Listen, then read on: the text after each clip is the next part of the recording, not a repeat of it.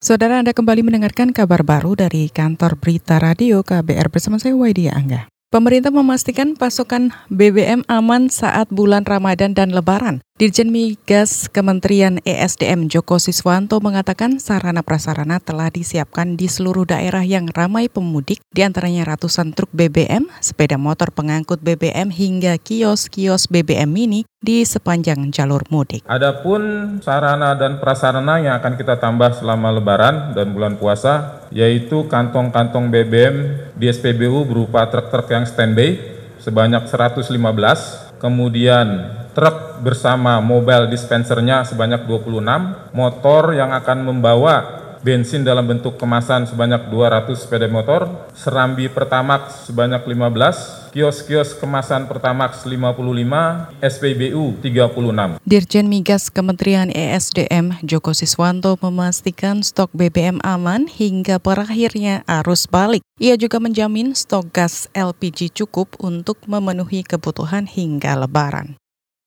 Kita ke berita selanjutnya, Bank Indonesia kembali menahan suku bunga acuan di level 6 persen. BI sudah lima kali berturut-turut mempertahankan suku bunga di level itu. Gubernur BI Peri Warjio mengatakan keputusan itu diambil setelah melihat perkembangan ekonomi global, nilai tukar, dan inflasi. Memutuskan untuk mempertahankan BI 7 day reverse repo rate sebesar 6%, suku bunga deposit facility juga tetap sebesar 5,25% dan suku bunga lending facility tetap sebesar 6,75 persen. Gubernur BI Peri Warjio menambahkan pihaknya akan memperluas kebijakan yang lebih akomodatif guna mendorong permintaan domestik. Selain itu, BI juga bakal meningkatkan ketersediaan likuiditas dan mendukung pendalaman pasar keuangan.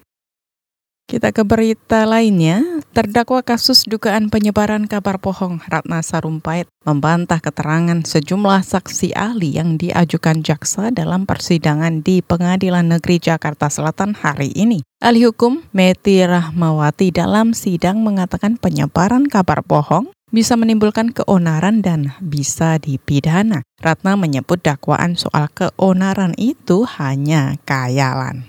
Ini kan tadi semua khayalannya ada keonaran. Keonaran itu tidak terjadi. Nih.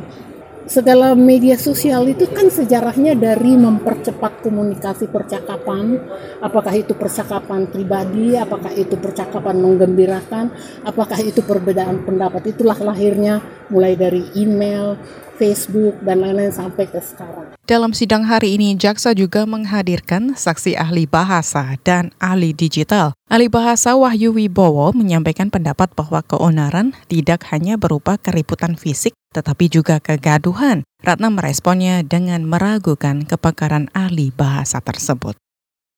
Kini kita ke berita olahraga. Indonesia hanya meloloskan tiga wakil ke perempat final kejuaraan bulu tangkis Asia 2019.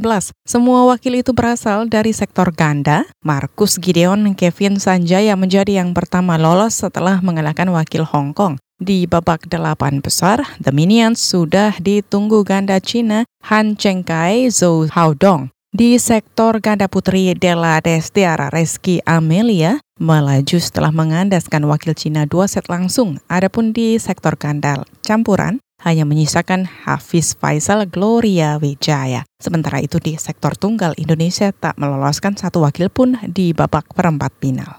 Saudara demikian kabar baru dari KBR, saya Waidia Angga.